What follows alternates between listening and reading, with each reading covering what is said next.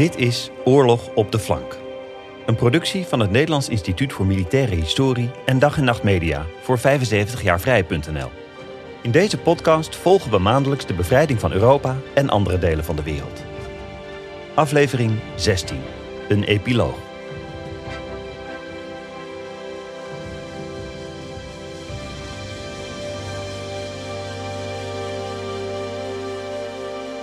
Nederland. Zomer 1945. Een zwaar gehavend land ontwaakt uit vijf jaar Duitse bezetting. De Tweede Wereldoorlog was voorbij. Maar wat moest men nu? Terug naar het vooroorlogse houvast? Van neutraliteit, van koopman en dominee? Of Nederland opnieuw intekenen? Als een schone lei. Overal gonsden opwindende woorden doorbraak en vernieuwing. Maar ja, welke doorbraak? Welke vernieuwing? De kerstverse premier Willem Schermerhorn riep in zijn regeringsverklaring van eind juni op tot daadkracht en eenheid. In een vlammend betoog greep hij terug op zijn eigen gezag als verzetsman, onder andere bij de landelijke knokploegen, de KP. Laat ik dan u hier van deze plaats op dit punt nog eenmaal spreken als lid van de adviescommissie van de landelijke KP-leiding. Bent gij bereid, bij voorbaat bereid, in deze regering te zien de centrale KP van het Nederlandse volk, die gereed staat om met uw aller hulp uit Gods kracht de oneindig zware, maar niet hopeloze taak te aanvaarden om alle krachten in het Nederlandse volk te bundelen en te richten op het ene doel, de herreizenis van het nationale bestaan van het Nederlandse volk. Het zal daarvoor noodzakelijk zijn dat ieder van ons bereid is iets op te geven van zijn eigen opvattingen. Bereid om ook het inzicht van hem, die boven hem gesteld is, niet van tevoren als onjuist, als slap of wat u maar wilt te brandmerken. Het gaat vandaag aan den dag om, zoals Hare Majesteit de Koningin zeide, om het nu of nooit. Misschien om het erop of eronder. Rekent u daarbij op ons? Wij rekenen op u. Het nu of nooit. Het erop of eronder. De herreizenis van het nationale bestaan van het Nederlandse volk. En de regering als haar centrale knokploeg. Dat klonk allemaal opwindend, maar ook erg ambitieus. Met uitzondering van Duitsland had geen land in West-Europa zoveel schade opgelopen als Nederland. Het dodental lag rond de kwart miljoen, waaronder ruim 100.000 vermoorde Joden. Waar te beginnen? Bij het woord wederopbouw denken we vaak aan cementmolens en hijskranen. Die kwamen er ook in grote getalen maar volgens velen was Nederland eerst toe aan een grondige morele hervorming. Of zoals het toen vaak genoemd werd, een geestelijke renovatie. Bezorgde politici, pedagogen, geestelijken en andere zedenmeesters buitelden over elkaar heen. In hun kritiek leek het soms alsof het Nederlandse volk was veranderd in een kolonie richtingloze primaten. Zo schreef het Maandblad voor Geestelijke Gezondheid in oktober 1945 we zien verwilderde kinderen, gedemoraliseerde arbeiders, NSB'ers, brede lagen van de bevolking bij wie het begrip voor mijn en dijn, de eerbied voor wet en overheidsgezag zeer zijn verzwakt. En de overgeprikkelde agressie die veelal nog onvoldoende constructieve uitingsvormen heeft gevonden. Er waren ook nog tienduizenden Canadese militairen. Mede door gebrek aan scheepsruimte verlieten de laatste Canadezen Nederland pas in het voorjaar van 1946. Stoere, heldhaftige kerels in vlotte windjacks en met zwierige baretten. Voor heel wat vrouwen was zoiets een bijzonder aantrekkelijk pakket. Hetgeen natuurlijk weer extra voedingsbodem gaf aan de klaagzang over het morele verval. Kortom, het was vrede, maar volgens menig zedepreker begon de geestelijke strijd eigenlijk opnieuw. De traumatische overgave van mei 1940? De inschikkelijkheid tegenover de Duitse bezetter? Allemaal tekenen van een gebrekkige geestelijke weerstand. Hoog tijd dus voor een beschavingsoffensief vol geloof, discipline en vaderlandsliefde.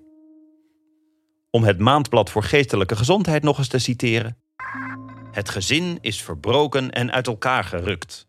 De school is buiten functie gesteld, de arbeid is ontredderd, de omgangsvormen zijn verruwd, de moraal op ontstellende wijze gezakt.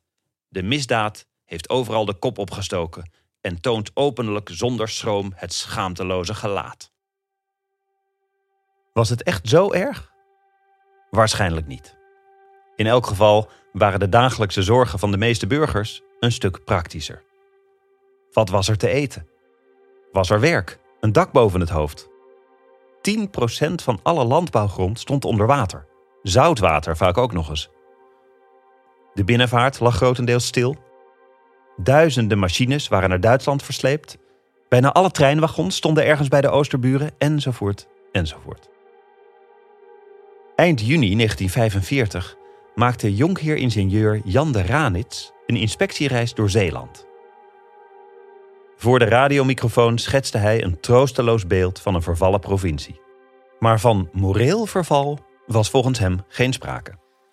Geachte luisteraars, wanneer ik net terugkom van een reis door Schouw en troosteloos kaal land waar het zeewater nu van af is, wanneer ik reis over Walcheren met de boot langs ingestorte boerenhofsteden, dode boomgaarden, wanneer ik u iets zal vertellen over westelijk Zeeuws-Vlaanderen waar ongeveer alles in puin ligt, dan begrijp ik een Engels officier die mij vroeg, toen ik hem vertelde van onze zorgen en moeite voor een wederopbouw, but why?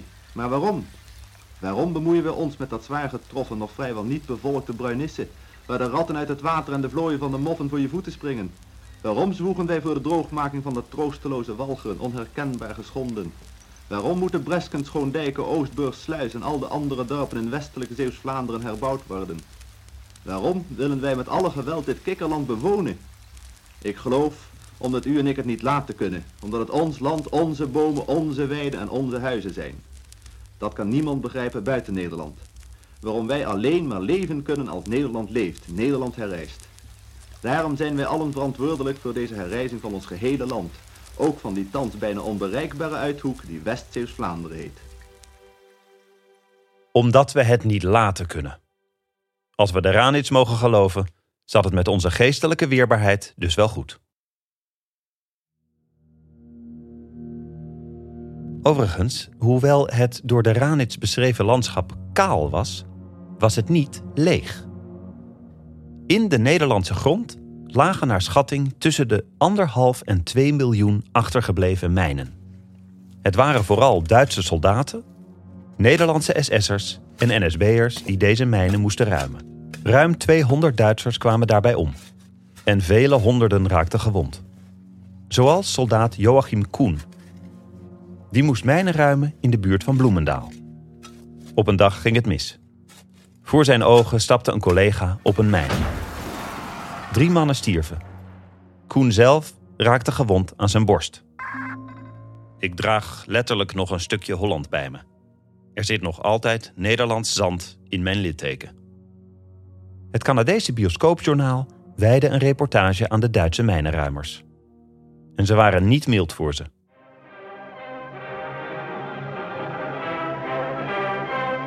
On the Dutch beaches facing the North Sea is the one-time famous summer resort of Scheveningen. Turned into a fortress by the Germans, the approaches were thoroughly mined against Allied attack. Now the roads to the beach are cleared of teller mines by detachments of German engineers. The surrender terms stated that the Germans must remove all mines planted by them in their own or occupied territory.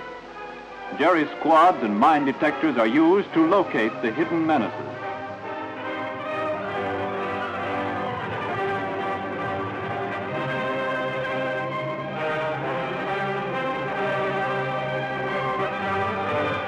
Casualties are sustained as the cleaning up process continues. The casualties are German, however, as ironic justice forces the master race to reap the havoc that they themselves have sown.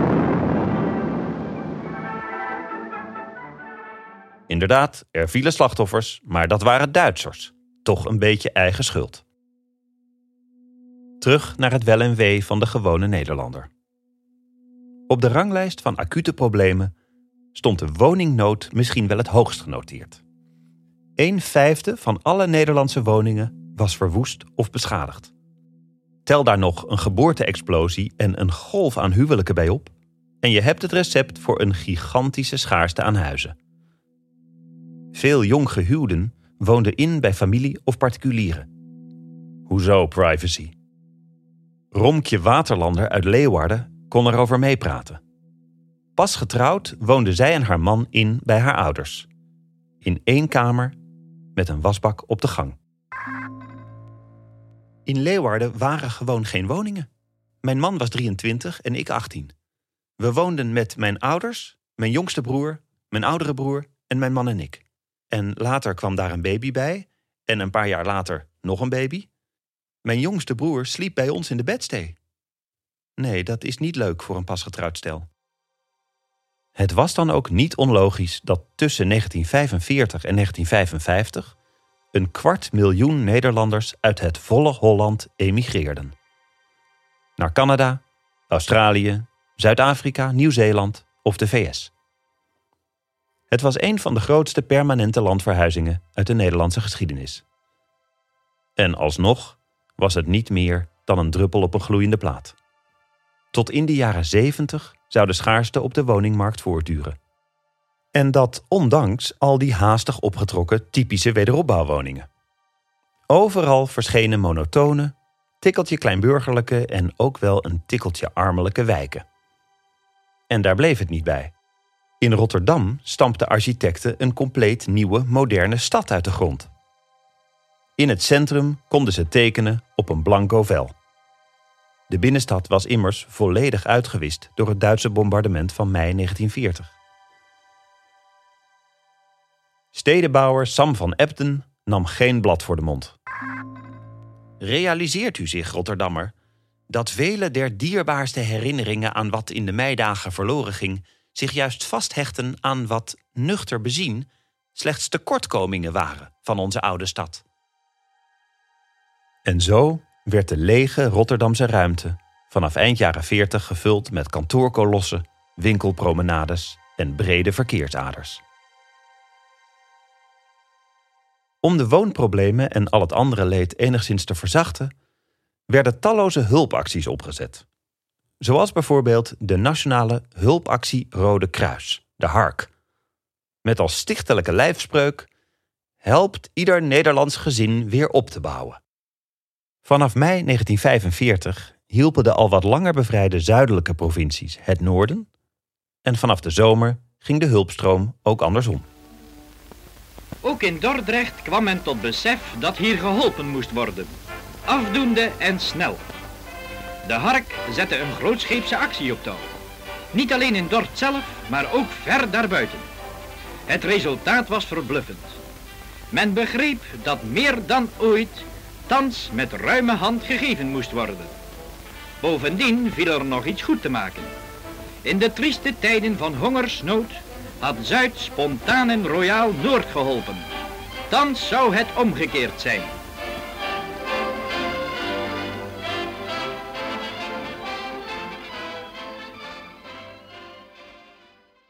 Ook uit het buitenland kwam hulp. Bijvoorbeeld uit de innemende Amerikaanse stad Albany, de hoofdstad van de staat New York. Een plaats die historische banden koesterde met Nijmegen. In de loop der eeuwen hadden heel wat families uit Nijmegen zich in Albany gevestigd. En in 1947 adopteerde de bevolking van Albany de verwoeste stad aan de Waal. Mede door bemiddeling van generaal James Gavin. Gavin had dan weer zijn eigen band met Nijmegen. Het was zijn 82e luchtlandingsdivisie die in september 1944 Nijmegen had helpen bevrijden. De hulpactie had als slogan Adopt a family and fill a shipload. In juli 1947 lagen de eerste hulpgoederen uit Amerika op de Waalkade. Voedsel, kleding, huisraad, maar ook cement en stalen balken. Alles hielp. Nijmegen on the Wall River in the Netherlands. This city has been adopted by Albany, New York. The first of 600 tons of material has reached its destination. Jan Wavek, born in Nijmegen, now a resident of Albany, is returning to his birthplace with the Mercy cargo to be welcomed by Burgomaster Charles Hustings.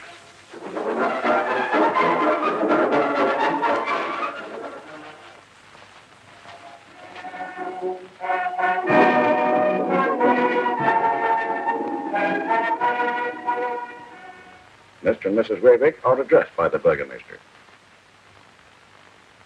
But in this case, I undoubtedly speak in the name of all the inhabitants of my town, when I thank you from the bottom of my heart for all that has been given.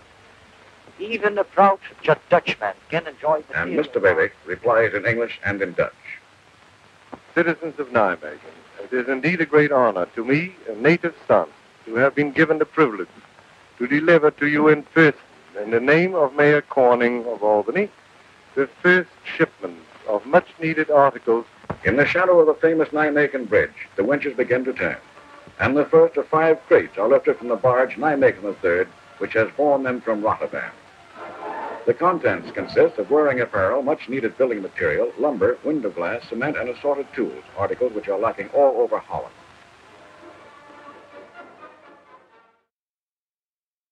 Sommigen zagen de Amerikaanse hulp als enigszins ironisch. Immers, niet alle schaarste in Nijmegen was de schuld van de bezetter.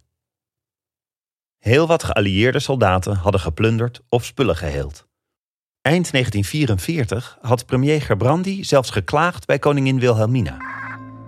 Er wordt zeer veel gestolen en geplunderd door de geallieerde troepen.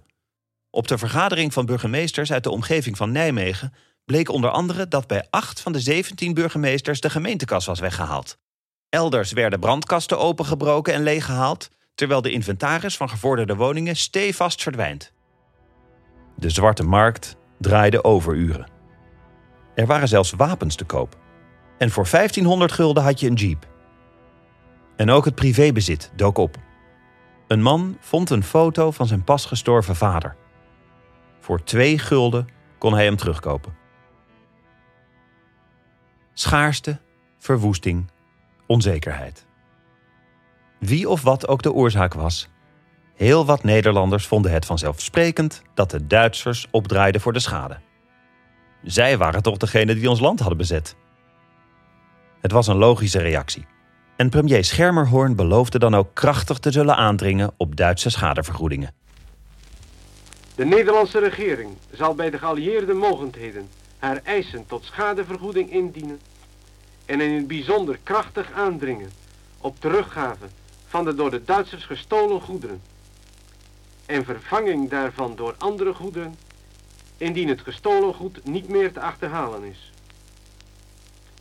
In ditzelfde verband aanvaardt dit kabinet ook de gedachte van minister Van Kleffens om de mogelijkheid tot schadevergoeding door middel van annexatie van Duits gebied open te houden.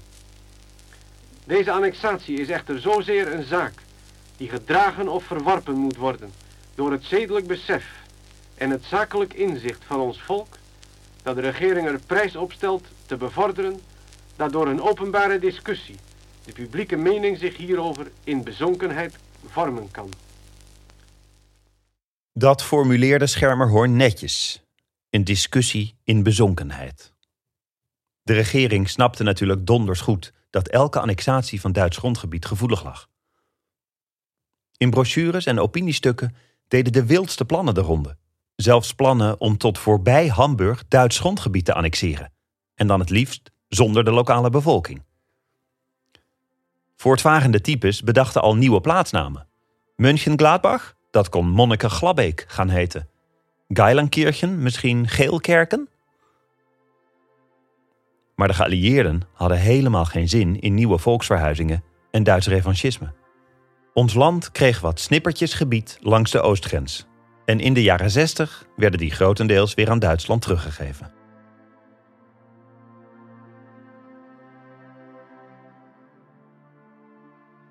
Tot zover het stoffelijke leed. Het leeggeroofde land, de schaarste, de tekorten. Maar daar hield het leed natuurlijk niet op. Bij lange na niet. Alleen al binnen de Nederlandse grenzen waren eind 1945 2 miljoen mensen onderweg. Ongeveer 350.000 onderduikers verlieten hun schuiladressen en zochten hun weg naar huis.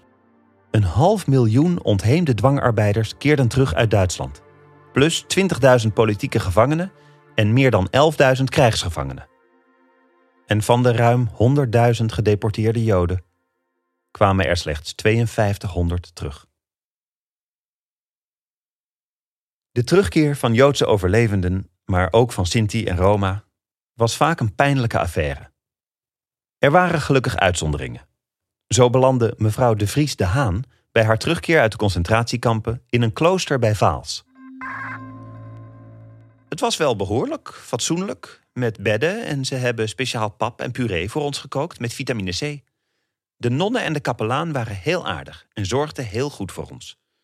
Het was heel prettig. We kregen een jurk. Maar doorgaans was de ontvangst alles behalve hartelijk. Neem bijvoorbeeld het verhaal van Eva Pellinkhoff. Vanuit haar onderduikadres keerde ze terug in Amsterdam. Ik was de enige van mijn familie die nog over was. Goh, leef jij nog? zeiden mensen als ze me zagen. Ik wist dat mijn schoonouders spullen hadden ondergebracht bij bepaalde mensen, zoals het grote schilderij Gezicht op Nichtenvecht. Maar deze mensen wilden het niet teruggeven. Je schoonvader heeft gezegd dat wij alles mochten houden. De piano van mijn man stond ook ergens, maar hun loesje speelde er zo mooi op. En ze had les. In verhouding was de terugkeer van krijgsgevangenen, dwangarbeiders en andere weggevoerde groepen minder kil. Hoewel, niet elke ontvangst liep over van warmte en generositeit. In Weert werd een groepje terugkerende krijgsgevangenen door omstanders uitgemaakt voor landverraders. En een boze criticus schreef: Ik beklaag mij niet, maar het is wel bitter om te ervaren dat deze slappelingen deze lamlendigen die zich rustig lieten opbergen toen de Duitsers het vrij rondlopen van zoveel geoefende mannen gevaarlijk begonnen te vinden, dat juist die een extra voedselkaart krijgen. Maar in het algemeen was er toch sprake van blijdschap en opluchting. Er waren welkomstfeesten en versierde huizen. Althans, als het huis er nog was. Elze Valk herinnert zich hoe ze in april 1945 terugkeerde in Arnhem. Net als 75.000 andere Arnhemmers was ze in september 1944 geëvacueerd. De stad was volledig kapotgeschoten en leeggeplunderd. Valk vertelde. Ons bovenhuis was op de Bovenbrugstraat 7, achter het station. In het huis was een verschrikkelijke puinhoop. Alles was kapot en lag op een grote bult. Er lagen zelfs onontplofte granaten, heel gevaarlijk. Het had iets moedeloos. En zo mengde tastbare verwoesting zich met geestelijke ontreddering. De schuldigen financieel laten bloeden, dat zat er niet echt in. Maar misschien viel er wat genoegdoening te halen uit hun berechting. In het Duitse Nuremberg vonden ooit de grote nazi-partijdagen plaats. En de stad gaf zijn naam aan de anti-Joodse rassenwetten van 1935. Het was geen toeval dat de geallieerden juist deze besmette stad uitkozen om bijna 200 kopstukken van het Derde Rijk voor de internationale rechtbank te slepen. On the last day, the day of sentences, filming wasn't permitted. Outside the courthouse after the sentences, newspapers were quickly sold out. As I say, the final scenes inside the court couldn't be photographed, but there is this record of some of the last words spoken during the historic trial of Nuremberg. Defendant Hermann Wilhelm Göring. The International Military Bureau sentences you to death by hanging. Defendant Rudolf Hess. The tribunal sentences you to imprisonment for life. Hitlers zetbaas in Nederland, Rijkscommissaris Arthur Seyss-Inquart, kreeg de strop. Generaal Johannes Blaskowitz, de baas van de Festung Holland, koos zijn eigen uitweg. Vlak voor zijn proces begon, pleegde hij zelfmoord. Zo namen de geallieerden de nazi-kopstukken voor hun rekening. En ook de nationale overheden namen hun verantwoordelijkheid. In Nederland werden 150.000 verdachten opgepakt. Dat was veel te veel voor het onderbemande rechtssysteem. Hoogstens 10% kreeg daadwerkelijk een veroordeling, waaronder 242 Duitsers. Van de 145 doodstraffen werden er 42 voltrokken. Onder hen NSB-leider Anton Mussert en ook dienstpropagandapaus Max Blokzeil. De Volkskrant deed verslag hoe het executiepeloton het leven van Blokzeil afkapte. Terwijl het peloton de voorbereidingen trof, stond Blokzeil met de handen vastgebonden en in de mond een zelfgerolde sigaret. Het verslag gaat verder na de executie. Onmiddellijk werd door een dokter de dood geconstateerd. Een der soldaten bukte en raapte het peukje op, dat hij even aandachtig bekeek en toen in zijn portefeuille wegborg. Maar de zoete wraak was slechts een pleister op de wonden. Zeker voor de gewone man bleef het ploeteren. De overheid jubelde over herrijzend Nederland, maar was ondertussen genoodzaakt een uiterst sobere koers te varen. Consumptie kwam op de tweede plaats. De lonen stegen niet of nauwelijks. Minister van Handel en Nijverheid Hein Vos gaf een treffend voorbeeld van de problemen waar men tegenaan liep.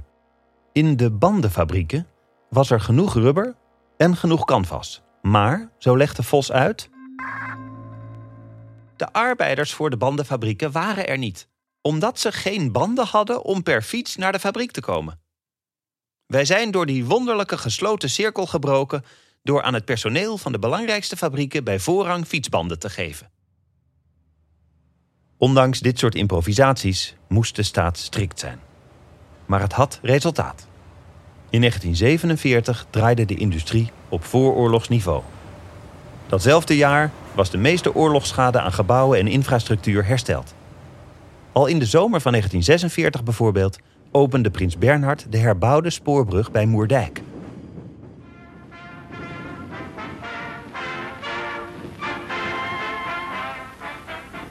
Ten slotte de opbouw van onze vernieuwde bruggen. Met man en macht is er gewerkt om deze verbinding te herstellen. En met succes.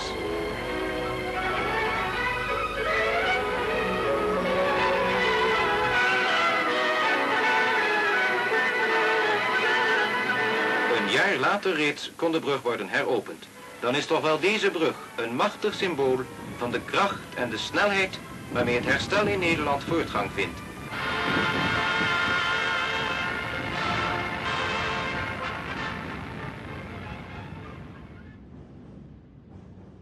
Het herstel was dus onmiskenbaar. Maar er was een olifant in de kamer. De decolonisatieoorlog in Nederlands-Indië. Een brochure van de generale staf uit 1946 zei daarover: Het is geen kinderwerk om een leger op te bouwen in een land dat zo kaal geplukt en uitgezogen is dat ieder geweer en iedere schop uit het buitenland moet komen. De gebeurtenissen in Indië dwingen ons helaas nog steeds tot het op korte termijn gereed maken van troepen voor het Verre Oosten. Dit is wat premier Willem Schermerhorn erover zei. Op deze plaats past ons ook een enkele opmerking over onze krijgsmacht. Na de bezetting van Nederland heeft slechts een zeer klein gedeelte van het Nederlandse leger de strijd kunnen voortzetten. De rest moest verdwijnen, onderduiken later in krijgsgevangenschap gaan of op andere wijze inactief worden. Daarom moet onze krijgsmacht thans opnieuw worden gevormd. Terwijl de dienstplicht blijft gehandhaafd en onmiddellijk zal worden toegepast wanneer dit voor de personeelsvoorziening van de krijgsmacht ter zee of te land nodig blijkt, voorziet voorlopig de aanneming van oorlogsvrijwilligers voor het overgrote deel in de personeelsbehoeften. Voor enkele categorieën van geschoolde krachten zal in bepaalde gevallen oproeping volgens de dienstplichtwet geschieden. In Engeland wordt op het ogenblik een leger gevormd dat deel moet nemen aan de strijd in het Verre Oosten. 22.000 man worden gereed gemaakt om in Australië voor hetzelfde doel te worden opgeleid. In Nederland worden de binnenlandse strijdkrachten, die onder de bezielende leiding van zijn koninklijke hoogheid prins Bernhard tijdens de laatste moeilijke maanden van de bezetting tot een krachtig verzetsinstrument zijn aaneengesmeed, omgevormd tot onderdelen van de Nederlandse krijgsmacht. Een nieuw Nederlands leger is al dus in wording. Wij zullen deze ontwikkeling met kracht en in een zo snel mogelijk tempo voortzetten. Maar in april 1947 waarschuwde minister van Financiën Piet Liefdink dat Nederland afstevende op een faillissement. 3 miljoen gulden per dag was het krankzinnige bedrag dat het leger in Nederlands-Indië opslorpte. Het drong echter nog bij de elite, nog in de publieke opinie door dat de Indonesiërs onafhankelijkheid tegen elke prijs nastreefden. En intussen joeg Nederland de hele internationale gemeenschap tegen zich in het harnas. Inclusief zijn belangrijkste weldoener, Amerika.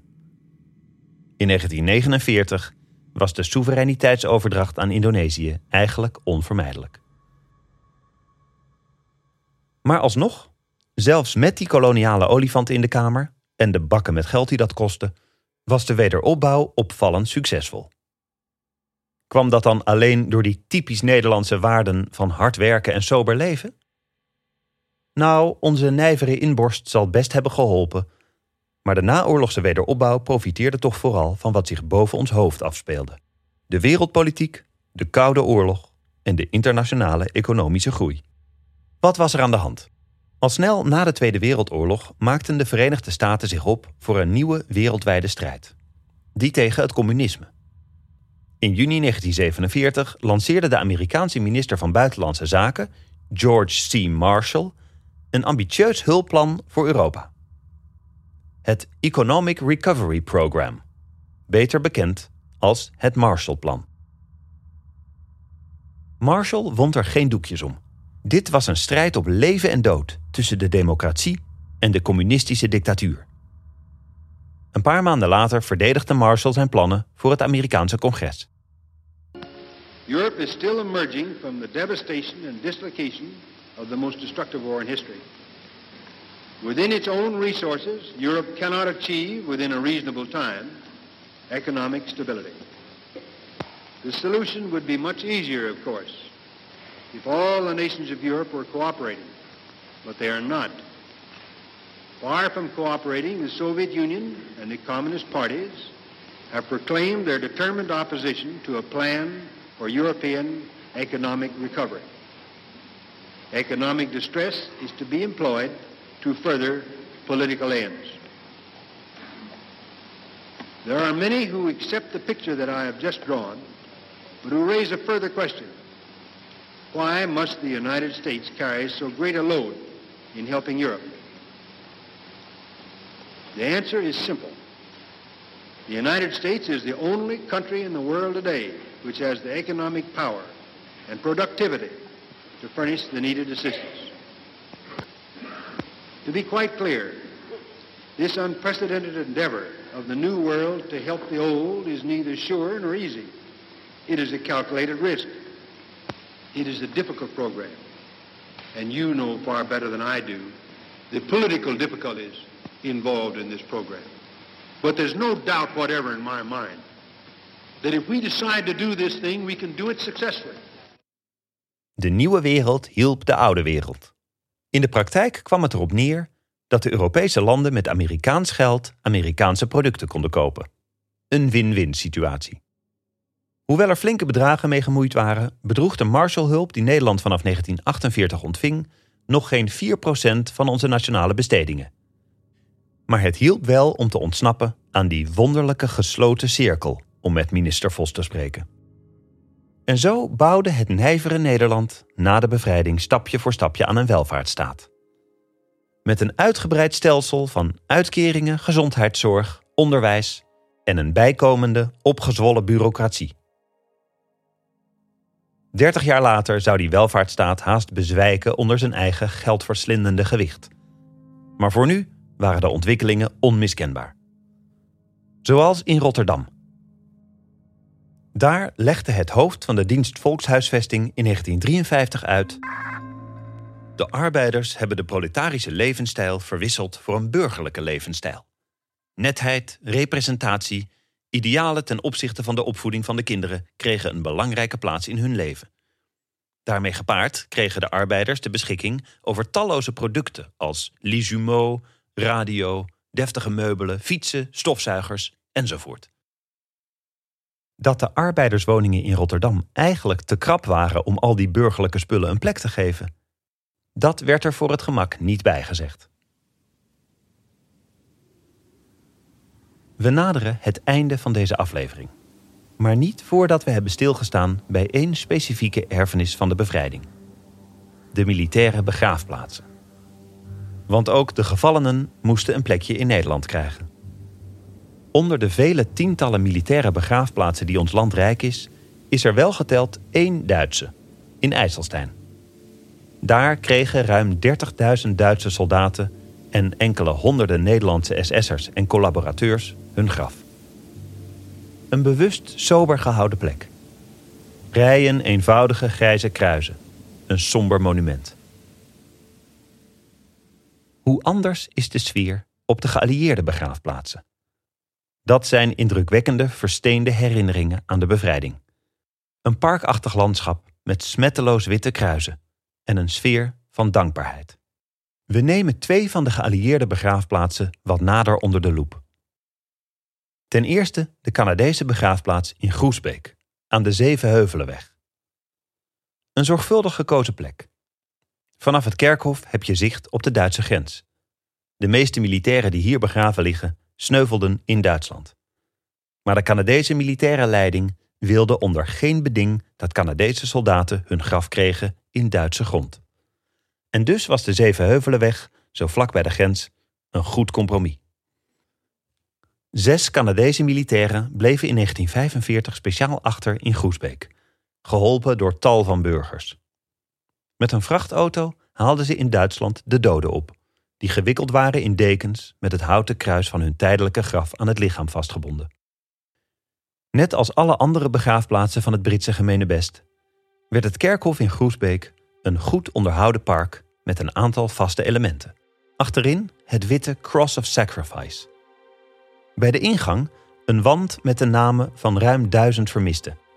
En ook bij de ingang de Stone of Remembrance. Een herdenkingssteen in de vorm van een altaar, met daarop de tekst: Their name liveth forevermore. Ten tweede kijken we naar de Amerikaanse militaire begraafplaats in het Limburgse Margraten. Dit is een van de eerste plaatsen waar de gemeente of haar burgers besloot om soldatengraven te adopteren. In Margraten kwam het initiatief van gemeenteambtenaar Jeff van Laar. Eigenlijk bij toeval. Ik werd dus op het kerkhof aangesproken door een Amerikaanse officier, een zekere kapitein Lane. Die bezocht het graf van zijn neef, luitenant John Land. Ik ben op doortocht, zei hij, maar zou jij in de toekomst niet eens af en toe naar zijn graf kunnen kijken? Natuurlijk, zei ik. Dat doe ik. Toen Jeff van Laar vervolgens vaker Amerikanen ontmoette met dezelfde vraag, stapte hij naar burgemeester Ronkers. Misschien kon een klein comité dit soort adopties gaan regelen. De burgemeester was meteen enthousiast. Dat moeten we gaan doen. Op Nederlands grondgebied hebben de geallieerden enige der zwaarste veldslagen geleverd. En vele soldaten liggen in onze bodem begraven.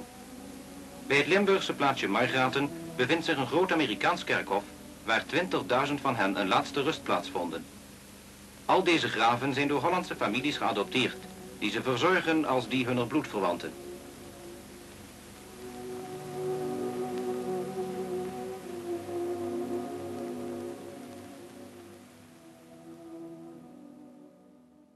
De adoptie van oorlogsgraven was een succes. Voor de nabestaanden was het een hele troost om te weten dat in het verre Europa een familie zich ontfermde over het graf van hun vader, zoon of echtgenoot. En dus ook over het graf van luitenant John Land. Die jonge student geneeskunde, die een van de allereerste bevrijders van Nederland werd. Land diende bij de Old Hickory Divisie, die in september 1944 Maastricht bevrijdde. Twee maanden later sneuvelde hij in de omgeving van Aken. Om uiteindelijk in de door hem bevrijde Nederlandse bodem zijn laatste rustplaats te krijgen. Als u wilt, kunt u John Land een bezoek brengen. Op Margraten ligt hij in vak B, rij 3, graf 4. En zo zijn we aangekomen bij het einde van deze aflevering. Deze epiloog van de bevrijding. En daarmee komen we ook bij het einde van Oorlog op de Flank, onze podcast. De bevrijding van Nederland was inderdaad een oorlog op de flank, zich afspelend aan de randen van het strijdtoneel, maar ingebed in de grote geallieerde strategie. Voor de bevolking markeerde de bevrijding het einde van een angstwekkende periode en het begin van een nationaal zelfonderzoek. Tot op de dag van vandaag is de bezetting onze morele toetssteen van goed en fout. Al met al biedt het ons een gemengd beeld. Er was opluchting over de herwonnen vrijheid, er was dankbaarheid, maar ook woede. Richting de Duitsers, maar soms ook richting de geallieerden. Er was schaamte, had de bezetter niet al te gemakkelijk zijn gang kunnen gaan. En tenslotte was er natuurlijk verdriet. Verdriet om het verlies van naasten, van vreemden, van huis en haard. Kortom, een oorlog en een bevrijding zijn bovenal een vat vol tegenstrijdigheden. Als we iets gezien hebben in 16 afleveringen Oorlog op de flank, is het dat wel. Oorlog op de flank is afgelopen. Maar eigenlijk gaat het verhaal verder. Want met het einde van de Tweede Wereldoorlog was de wereldvrede helaas nog verre van beklonken. Al tijdens de oorlog tekenden de politiek leiders van 26 geallieerde landen de Declaration of the United Nations. In onze nieuwe podcast Vredessoldaten duiken we vanaf volgende maand in de boeiende geschiedenis van de Verenigde Naties. En we zoomen ook in op de rol van Nederland. Een rol vol ambities en teleurstellingen. Met uiteraard ruim aandacht voor de Nederlandse vredesoldaten op missie voor de VN. Abonneer je nu op Vredesoldaten, de nieuwe serie van het NIMH en Dag en Nacht Media. Te vinden in je favoriete podcast-app.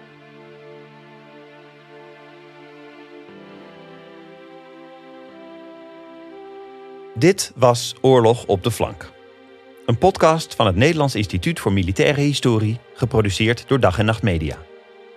De podcast is onderdeel van de multimediale Ode aan de Vrijheid. Kijk daarvoor ook op www.75jaarvrij.nl en wordt mogelijk gemaakt door het DOSCO Ontwikkelfonds. Dank ook aan het Nederlands Instituut voor Beeld en Geluid. Research Marco Middelwijk. Projectleider NIMH Lianne van den Doel. Tekstschrijver Christ Klep. Productie en editing Anne Janssens en Cezanne Moeilijker van Dag en Nacht Media. Audiovormgeving Studio Cloak. Mijn naam is David Lucier. Dank voor het luisteren.